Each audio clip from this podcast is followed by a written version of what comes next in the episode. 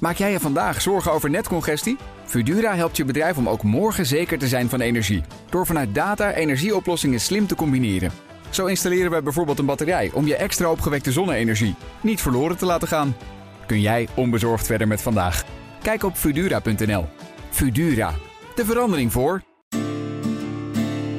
Goedemorgen, dit is de Week van Energia op vrijdag 6 oktober. Ik ben Ilse Akkermans en bij mij in de studio is Katrijn de Ronde, redacteur van Energia. Welkom Katrijn. Goedemorgen. We hebben het deze week over de plannen van het kabinet om de belastingvoordelen voor het gebruik van aardgas in de glastuinbouw af te bouwen. Een van de maatregelen raakt alle gasgestookte elektriciteitscentrales en dat heeft allerlei consequenties. Katrijn vertelt zo meteen hoe dit zit. Maar eerst kijk ik met hoofdredacteur Wouter Hielkema weer naar ander nieuws van deze week. En ook Wouter is hier bij ons in de studio. Goedemorgen Wouter. Goedemorgen Ilse. Wat klinkt je lekker verkouden? Ja, ik ben er nog niet helemaal bovenop, maar ik hoop dat het meevalt met mijn stem. Komt goed. Welke onderwerpen vielen jou op in het energienieuws van deze week? Ja, drie onderwerpen weer. De eerste is dat de Tweede Kamer sprak over noodmaatregelen voor het geval dat er toch nog uh, enorme energieprijzen komen. En minister Jette heeft de Kamer laten weten dat eigenlijk de enige maatregel die met enige snelheid getroffen kan worden, is dat er een vast bedrag voor alle huishoudens wordt uitgetrokken. Ten tweede dat uh, als de afname van de gaswinning in de Noordzee niet snel stopt, dreigt het nog veel erger te worden. Dan worden er dingen in gang gezet die maken dat de afname van de gaswinning op de Noordzee nog veel sneller zal gaan. En tot slot hebben we het over netbeheerder Stedin, die in Zeeland voor het eerst een groepscapaciteitsovereenkomst heeft gesloten. Nou, wat dat is en waarom dat belangrijk is, gaan we het straks over hebben. Mochten de energieprijzen weer flink stijgen, dan is een vast bedrag voor alle huishoudens de enige maatregel die snel kan worden ingezet. Wouter, Tweede Kamerlid Stefan van Baarle van Denk had in een motie om een snel uitvoerbaar noodplan gevraagd. Ja, inderdaad. Eerst uh, botste hij daarover met uh, premier Rutte tijdens de algemene politieke beschouwingen. Daar heeft hij toen ook een motie ingediend om dat snel in te dienen. Kijk, Rutte die zei van nou, meneer Van Baarle, ik, ik vind het helemaal niet nodig om, uh, om een snel noodplan achter de hand te hebben, want niemand verwacht dat energieprijzen gaan stijgen. Nou, dat kwam hem onder energiedeskundigen ook wel op kritiek te staan. Want ja, uh, inderdaad is er best uh, de verwachting dat we goed de winter ingaan. Maar er zal geen energiedeskundige zijn die, die zal zeggen dat het niet kan dat de energieprijzen weer behoorlijk de pan uit gaan reizen. Daar, daar is, bestaat best angst voor. En ondanks dat het niet verwacht wordt, wil het niet zeggen dat het niet gebeurt. Ja. Dus Van Baarle zei van nou, die heeft per motie afgedwongen van ik wil toch een noodplan. Daar heeft de grote meerderheid van de Kamer schaarde zich daarachter. En het kabinet heeft nu alle opties daarvoor bekeken. En eigenlijk de enige maatregel die kan, die een beetje met enige snelheid is in te richten, is dus dat elk huishouden een bepaald bedrag krijgt. We hebben dat ook eind 2022 gezien. Hè. Toen kreeg elk huishouden kreeg in de maand november en in de maand december 190 euro.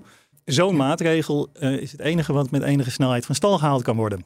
Ja, en er zijn verschillende mogelijkheden om de energierekening voor huishoudens te beperken, maar die stuiten op meer problemen. Ja, ja, het, uh, ik zei net al van dit is de enige maatregel die met enige snelheid van, van de stal gehaald kan worden. Daar zit hem ook de crux. Alle andere maatregelen die je kan verzinnen, die stuiten vaak op die snelle uitvoerbaarheid. He, je kan bijvoorbeeld bedenken van de, de, energiebelasting. Daar kan je ook mee regelen dat de energierekening betaalbaarder wordt in geval van uh, grote prijsstijgingen.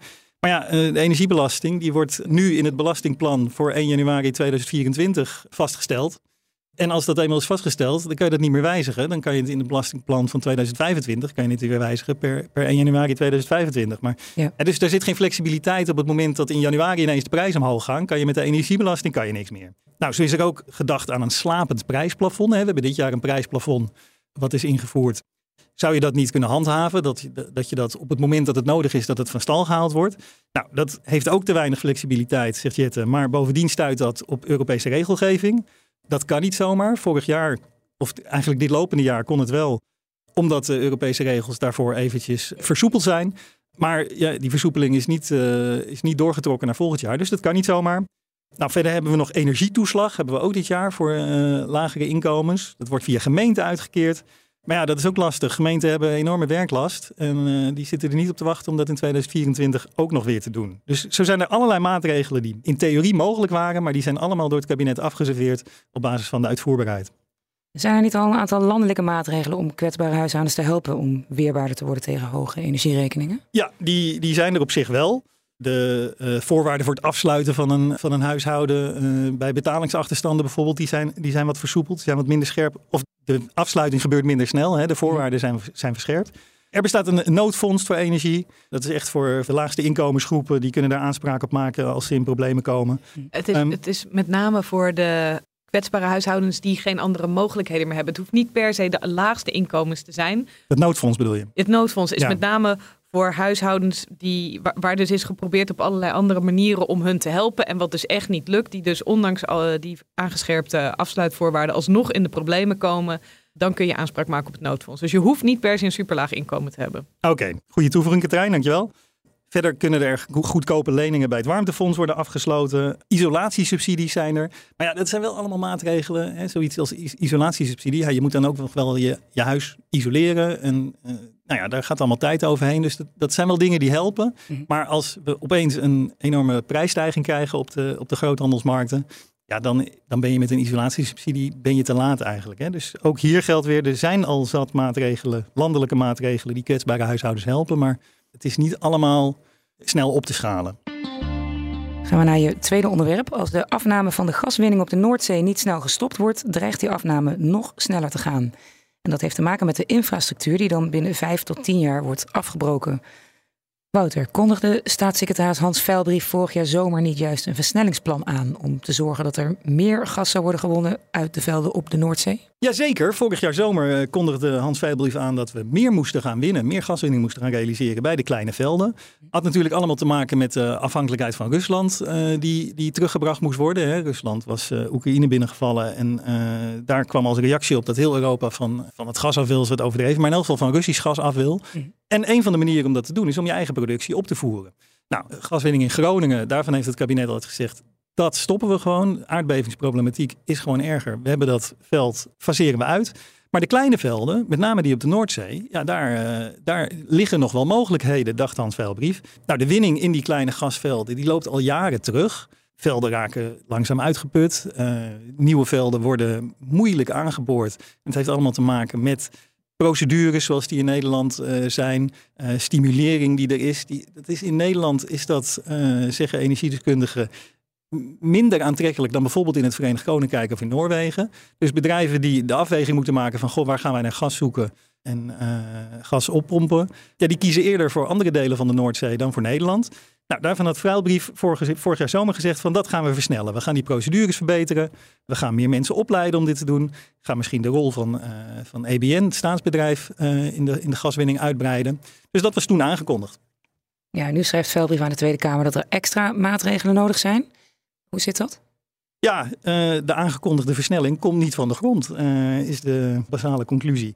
Ik citeer Veilbrief even in zijn brief aan de Tweede Kamer.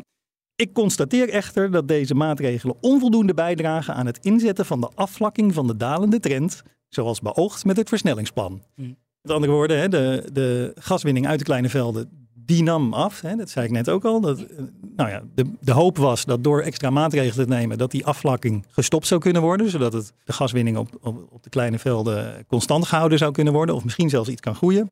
Mm. Maar ja, het, uh, het lukt niet. En nu constateert Veilbrief dat als er toch niet snel iets gebeurt waardoor het verbetert, dat er dan een kantelpunt bereikt kan worden waarbij die gaswinning nog verder naar beneden gaat. Nou, hoe zit dat? Om gas te winnen en naar land te brengen heb je infrastructuur nodig. Op het moment dat die infrastructuur niet gebruikt wordt, kost dat alleen maar geld. Nou, als die gaswinning op de, op de Noordzee niet snel toeneemt, ja, betekent dat dat bedrijven zeggen van ja, we, we, verdienen hier te weinig om die infrastructuur die er ligt in stand te houden. We stoppen er gewoon maar mee. Nou, als die infrastructuur eenmaal is afgebroken, dan is dat eigenlijk de nagel aan de doodkist van de gaswinning aan, op de Noordzee. En naar welke extra maatregelen kijkt Veilbrief nu? Ja, eigenlijk een beetje hetzelfde als wat hij vorig jaar zomer aankondigde. Maar dan nog een keer met de turbo erop eigenlijk.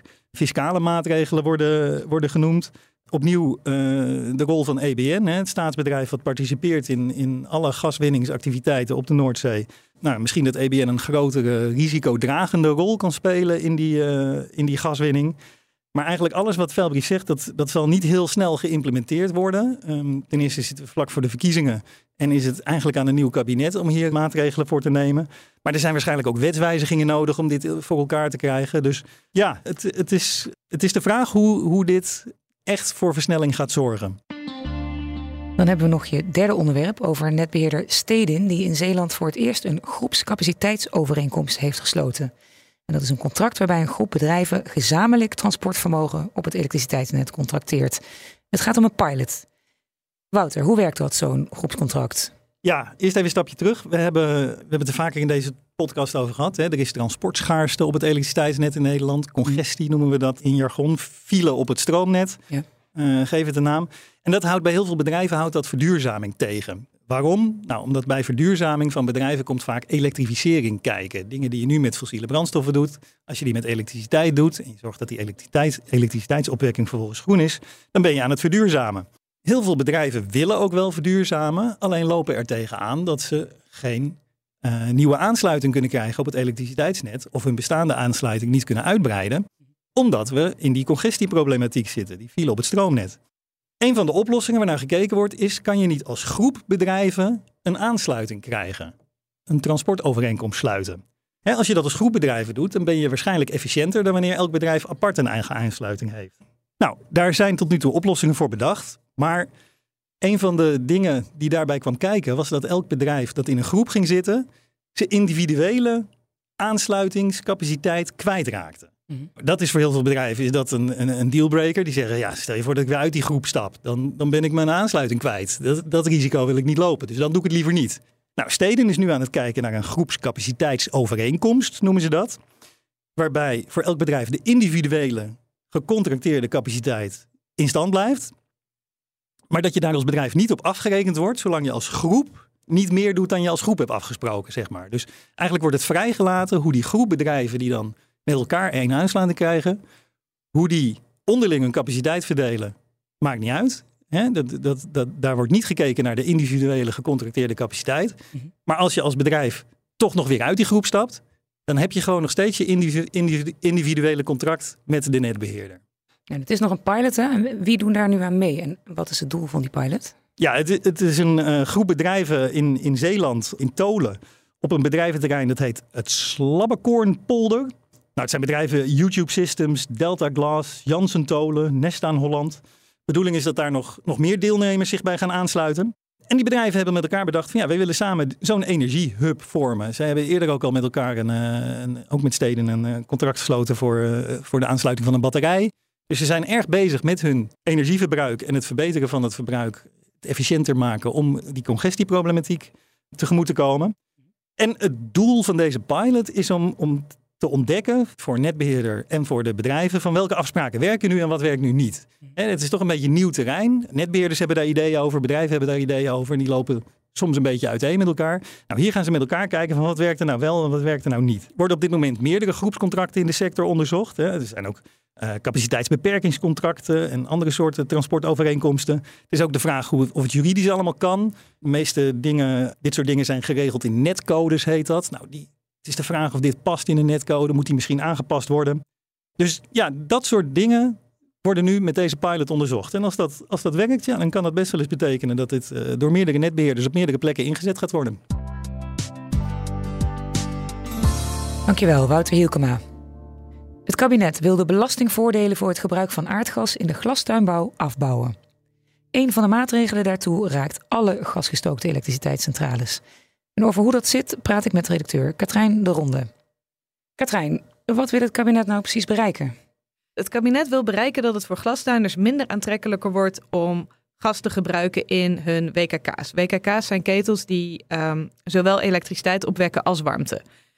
Nu is het zo dat als jij um, je eigen elektriciteitscentrale hebt, een, een WKK of een andere of een, of een gasturbine, en je maakt dus met aardgas elektriciteit, dat het aardgas dat je erin stopt, daar betaal je geen energiebelasting over. Omdat degene die de elektriciteit verbruikt aan het eind, de eindverbruiker, die betaalt al energiebelasting. En als je dus zowel voor het aardgas als voor de elektriciteit energiebelasting betaalt, krijg je dubbele belasting. Nou, die regeling is heel erg in het voordeel van de tuinders, want die verbruiken veel van hun eigen opwek zelf. Mhm. Dus ze betalen geen energiebelasting over wat erin gaat en ze betalen ook geen energiebelasting over wat eruit komt. Mhm. Dat wil het kabinet nu aanpakken. En om dat aan te pakken, gaan ze dus, uh, hebben ze de hele regeling veranderd. Waarbij het zo is dat je niet langer dus gewoon vrijgesteld bent van energiebelasting over dat aardgas. Maar dat ze heel precies gaan kijken hoeveel aardgas heb jij nodig voor de opwek van jouw stroom? En over dat stukje Mhm. moet je dan dus energiebelasting gaan betalen. Ja. En het werkt zo. Ze hebben het zo uitgerekend dat hoe efficiënter de centrale werkt, hoe minder je uiteindelijk aan energiebelasting hoeft te betalen. Ja, deze plannen hebben dus grote gevolgen, want de maatregelen hebben effect op veel meer centrales. Welke bedrijven worden daar nu door geraakt? Alle partijen die dus een gasgestookte unit hebben die elektriciteit maakt. Dus dat, is, eh, dat, dat zijn dus de tuinders met hun WKK's. Maar eh, WKK's staan ook bij eh, allerlei grote bedrijven. Warmtebedrijven gebruiken vaak WKK's. Eh, industriële bedrijven gebruiken WKK's. Papierbedrijven bijvoorbeeld gebruiken ze. Raffinaderijen hebben ze, meen ik. Ziekenhuizen hebben ze hele grote gebouwen die veel warmte en stroom verbruiken. Zoals inderdaad ziekenhuizen, onderwijsinstellingen. Maar ook eh, de echt hele grote elektriciteitscentrales. Die, die worden hier ook door geraakt. Want die verstoken ook gas om elektriciteit te maken. Ja. En ter vergelijking, hè, hoe is de situatie dan nu? Waar zit het voornaamste verschil in met waar het kabinet nu naartoe wil? Het verschil zit hem in de, in de efficiëntie. Eh, dat zal ik uitleggen. Nu is het zo dat een elektriciteitscentrale die een rendement haalt van 30%, en dat is best wel laag, die hoeft dus geen, minimaal 30%, die hoeft dus geen energiebelasting te betalen over de aardgas die erin gaat. Mhm. Wat er nu gaat gebeuren is dat, het dus, dat je dus wordt beloond hoe efficiënter jouw centrale eh, rendeert. Mhm. Want, eh, en uiteindelijk, er, komt een ingroeipad, maar uiteindelijk in 2030 moet het zo zijn dat als jij een elektriciteitscentrale hebt die eh voor 60%, die een rendement heeft van 60%, ze gaan uit van een warmteverlies van 40%, nou, dan hoef je dus geen energiebelasting te betalen over het aardgas wat erin gaat. Ja. En wat betekent dat, dat rendement? Ja, het rendement is dus dat je stopt er een bepaalde hoeveelheid aardgas. eh, Je stopt er aardgas in. Aardgas heeft een bepaalde hoeveelheid energie in zich. Mhm. Nou, als je dat verbrandt, dan wordt een deel daarvan kun je omzetten in elektriciteit, maar je verliest ook altijd een deel aan warmte. Ja. Dus een rendement van 60% is, is een ontzettend goed rendement. Ja, ja. Ja en als ik het nou goed begreep eventjes, dan is dus de huidige situatie is, alle centrales die een rendement hebben van minimaal 30%, dus 30% of hoger, betalen gewoon helemaal geen energiebelasting over het aardgas wat zij gebruiken om elektriciteit op te wekken. En straks is het zo dat elektriciteitscentrales met een rendement van 60% geen energiebelasting betalen. En alles wat daaronder zit, betaalt steeds iets meer energiebelasting afhankelijk van hoe ver je van die 60% af zit. En uiteindelijk zijn alleen gasgestookte elektriciteitscentrales met een rendement van 60% voor de hele elektriciteitsopwek vrijgesteld van energiebelastingen. Zijn er in Nederland al centrales die daaraan voldoen? Daar kan ik niet een ja of nee antwoord op geven, want ik weet niet van elke gascentrale wat zijn rendement is. Maar in het wetsvoorstel staat dat de grote elektriciteitscentrales nu ongeveer circa 55% zouden halen. Mhm. BKK zit op een rendement van 43%. Vanuit de, de sector zegt eh, Eneco dat hun Enecogen-centrale, dat is een van de meest moderne centrales, die haalt 58%. Mhm.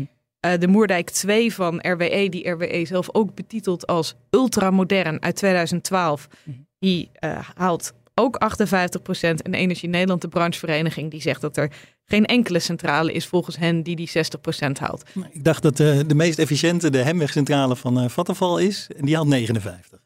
Bijna.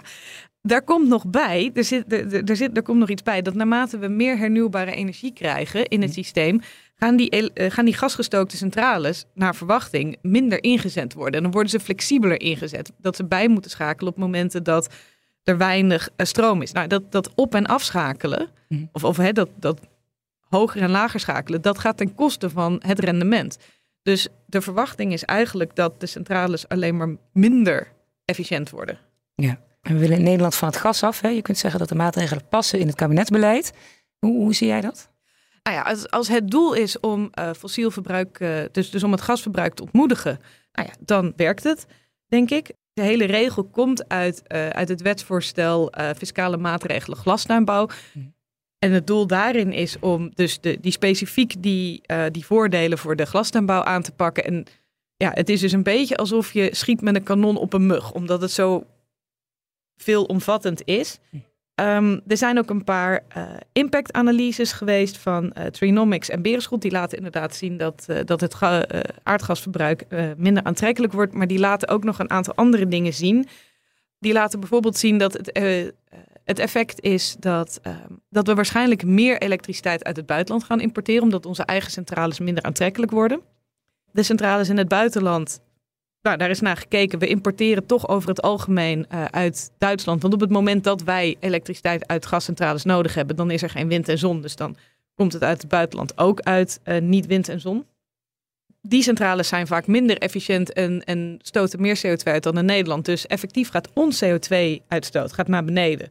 Maar die van Europa gaat waarschijnlijk omhoog. Nou ja, vervolgens uh, is er ook de inputvrijstelling van kolen. Want er is dus ook een specifieke inputvrijstelling. Net zoals die er dus is voor aardgas, is die er ook voor kolen in kolencentrales. Die wordt niet aangepakt. Die blijft gewoon bestaan. Dus er bestaat de vrees in de, uh, in de sector dat kolencentrales aantrekkelijker worden ten opzichte van aardgascentrales. Nou is het zo dat uh, deze hele regeling kent een ingroeipad tot aan 2030 en vanaf 2030 mag je überhaupt geen kolen meer gebruiken in elektriciteitscentrales. Dus het is ook niet helemaal duidelijk hoe die twee dingen gaan samenwerken. Maar in ieder geval op korte termijn wordt, uh, krijgen kolen dus een voordeel ten opzichte van gas. En ten derde is het geestige hieraan is dat doordat de, die grens van een minimaal re, uh, rendement van 30% verdwijnt, worden dus in, krijgen dus inefficiënte ketels die minder rendement dan 30% hebben, die krijgen nu een belastingvoordeel wat ze eerst niet hadden. Want die moesten eerst gewoon de volle map betalen, maar die krijgen nu dus, hoeven ze minder energiebelasting te betalen. Ja. Het geestige is dat je dan in de uh, impactanalyse ziet dat de enige sector die Um, uit de impactanalyses blijkt dus ook dat elke sector bijna heeft hier last van in meer of mindere mate. De, de glastuinbouw het allermeeste, die worden gewoon keihard geraakt. Andere sectoren, die zien een nadeel, maar um, ten opzichte van de glastuinbouw valt dat mee. Behalve de papierindustrie, want die hebben dus vrij inefficiënte ketels. Um, die gaan erop vooruit, want die krijgen een belastingvoordeel. Ja, en hoe reageert de markt eigenlijk op het wetsvoorstel? De glastuinbouw is niet blij. Die hebben een persbericht uitgedaan waarin ze waarschuwen dat de voedselzekerheid uh, in gevaar komt door het hele, niet alleen door deze maatregelen, maar door de hele combinatie van, uh, van, van maatregelen die het kabinet heeft aangekondigd. Energie Nederland is, de branchevereniging van de energiebedrijven, is ook niet blij. Die zien heel veel onbedoelde effecten. Die hebben we net al een beetje besproken. Eén ding wat we nog niet genoemd hebben, of twee dingen die we nog niet genoemd hebben, is dat de prijzen voor consumenten waarschijnlijk hoger gaan worden. Omdat die dubbele energiebelasting, ja, die, die gaan ze gewoon doorrekenen. Die komt gewoon uiteindelijk op de energiefactuur terecht. Mm -hmm. En het andere is dat zij zeggen van op deze manier wordt het veel minder interessant om te investeren in gascentrales. En dat heeft een effect op de levering, of dat kan een, een effect hebben op de leveringszekerheid. Dat bleek ook uit de zij halen daarvoor de impactanalyse van Berenschot aan waar dat in stond. En Energie Nederland stelt zelf iets anders voor. Ja, Energie Nederland die zegt van ja, waarom ga je zitten sleutelen aan die, um, aan die vrijstelling aan de voorkant? Waarom sleutel je niet aan de vrijstelling aan de achterkant? Want er is nog een vrijstelling. Dat is voor de elektriciteit die je dus uh, zelf gebruikt. Dat is een outputvrijstelling. Uh, dat de elektriciteit die er aan de achterkant uitkomt, daar hoef je uit je eigen centrale, daar hoef je ook geen um, energiebelasting over te betalen. En ze zeggen, pak die nou aan. Want als je dat doet, dan heb je heel specifiek die tuinders. En dan alles wat aan het net geleverd wordt, hè, wat bijvoorbeeld uit de grote elektriciteitscentrale komt, dat is dan nog steeds vrijgesteld van energiebelasting. En daar voorkom je dan die dubbele, uh, daar voorkom je dan dat dubbele rekenen van, uh, van belastingen. De grap is dat in ditzelfde voorstel wordt die outputbelasting ook, uh, of die outputvrijstelling wordt ook afgeschaft. Maar dat verzwaart de lasten bij de glastuinders, de administratieve lasten bij de glastuinders en de Belastingdienst dusdanig, omdat ineens allemaal extra partijen uh, aangifte moeten gaan doen, dat er is besloten om een vrijstelling voor de glastuinders in te bouwen. Kleine installaties, dat zijn toch wel vaak de WKK-installaties bij glastuinders, krijgen een vrijstelling ter grootte van de hoeveelheid elektriciteit die zij aan het elektriciteitsnet leveren en het idee is dat daarmee hun eigen verbruik dus volledig wordt belast. Ja, het is een, een wetsvoorstel. Hè? Wat gaat er nu verder gebeuren? En het is onderdeel van de miljoenennota en van, van het belastingplan. Het, het hoort bij dat hele geel. Dus de Kamer gaat hierover praten en over stemmen. En als de Kamer voorstemt, dan is het een wet. Dan gaat het gebeuren. Dankjewel, Katrijn de Ronde. Dit was de Week van Energia met de laatste ontwikkelingen in de Nederlandse energiesector. Op energia.nl lees je meer. We zijn benieuwd wat je van deze podcast vindt. Laat het ons weten via podcast.energia.nl. Mijn naam is Ilse Akkermans. Fijn dat je luisterde en tot volgende week. Maak jij je vandaag zorgen over netcongestie? Fudura helpt je bedrijf om ook morgen zeker te zijn van energie. Door vanuit data energieoplossingen slim te combineren. Zo installeren we bijvoorbeeld een batterij om je extra opgewekte zonne-energie niet verloren te laten gaan. Kun jij onbezorgd verder met vandaag? Kijk op Fudura.nl. Fudura, de verandering voor.